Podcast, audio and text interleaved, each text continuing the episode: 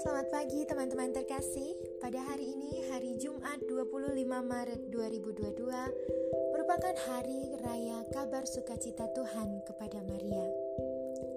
Hari ini juga kita mengenang Beato Omelian Kovs, seorang imam Katolik Yunani Ukraina yang dibunuh di kamp konsentrasi Majdanek pada tahun 1944 karena telah membela orang-orang Yahudi dari penganiayaan.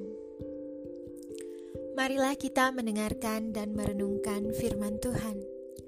Bacaan kita diangkat dari Injil Lukas bab 1 ayat 26 sampai 38. Pewartaan kabar sukacita.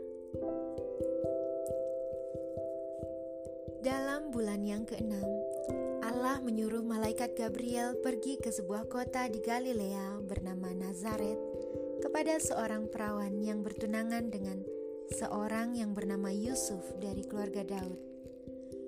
Nama perawan itu Maria. Ketika malaikat itu masuk ke rumah Maria, dia berkata, "Salam, hai engkau yang dikaruniai, Tuhan menyertai engkau." Maria terkejut mendengar perkataan itu, lalu bertanya di dalam hatinya, Apakah arti salam itu?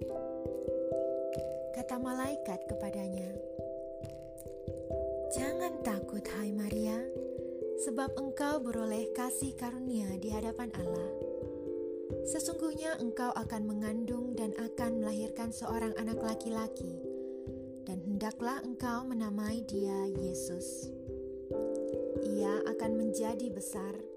dan akan disebut Anak Allah yang Maha Tinggi dan Tuhan Allah akan mengaruniakan kepadanya tahta Daud, bapa leluhurnya, dan ia akan menjadi raja atas kaum keturunan Daud sampai selama-lamanya, dan kerajaannya tidak akan berkesudahan. Kata Maria kepada malaikat itu, "Bagaimana mungkin hal itu terjadi? Sebab aku belum bersuami." Jawab malaikat itu kepadanya, Roh Kudus akan turun atasmu dan kuasa Allah yang maha tinggi akan menaungi engkau. Sebab itu anak yang akan kau lahirkan itu akan disebut kudus, anak Allah. Dan sesungguhnya Elizabeth, sanakmu itu, dia pun sedang mengandung seorang anak laki-laki pada hari tuanya dan inilah bulan keenam bagi dia yang disebut mandul itu. Demikianlah Injil Tuhan. Teman-teman yang terkasih, melalui perayaan khusus, liturgi gereja ingin mengingatkan kita pada hari ketika malaikat diutus ke Nazaret untuk memberitahu Maria bahwa dia menjadi ibu Yesus.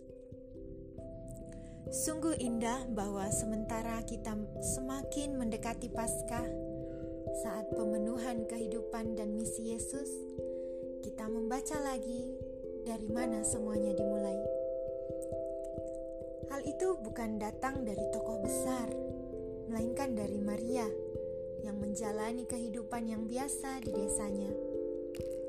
Namun tatapan Allah turun atas dirinya Sejak dari dalam kandungan, dia dipilih untuk menjadi ibu juru selamat kita. Inilah sebabnya mengapa malaikat dapat mengatakan, "Salam, hai engkau yang dikaruniai." Maria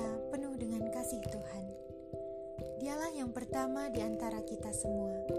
Dialah yang menanggapi anugerah cinta Allah dengan penerimaan sepenuhnya. Begitu dia mendengar kata-kata malaikat, dia bingung. Injil selalu mengganggu kita karena membutuhkan jawaban. Keputusan yang menjungkir balikkan kehidupan kita. Ini bukanlah firman yang merealisasikan proyek dan keinginan firman yang menjauhkan kita dari diri kita sendiri sehingga kita dapat terlibat dalam rencana Tuhan. Maria yang berserah diri kepada Tuhan menjawab, "Sesungguhnya aku ini hamba Tuhan. Jadilah padaku menurut perkataanmu itu." Dia yang pertama-tama dicintai cara yang demikian besar adalah yang pertama-tama menanggapi kata malaikat dengan permintaan penuh. Maria, orang yang beriman pertama, memberikan teladan kepada kita bagaimana menjadi pendengar firman Allah. Ketaatannya adalah akar penebusan. Amin. Mari kita berdoa bersama Maria.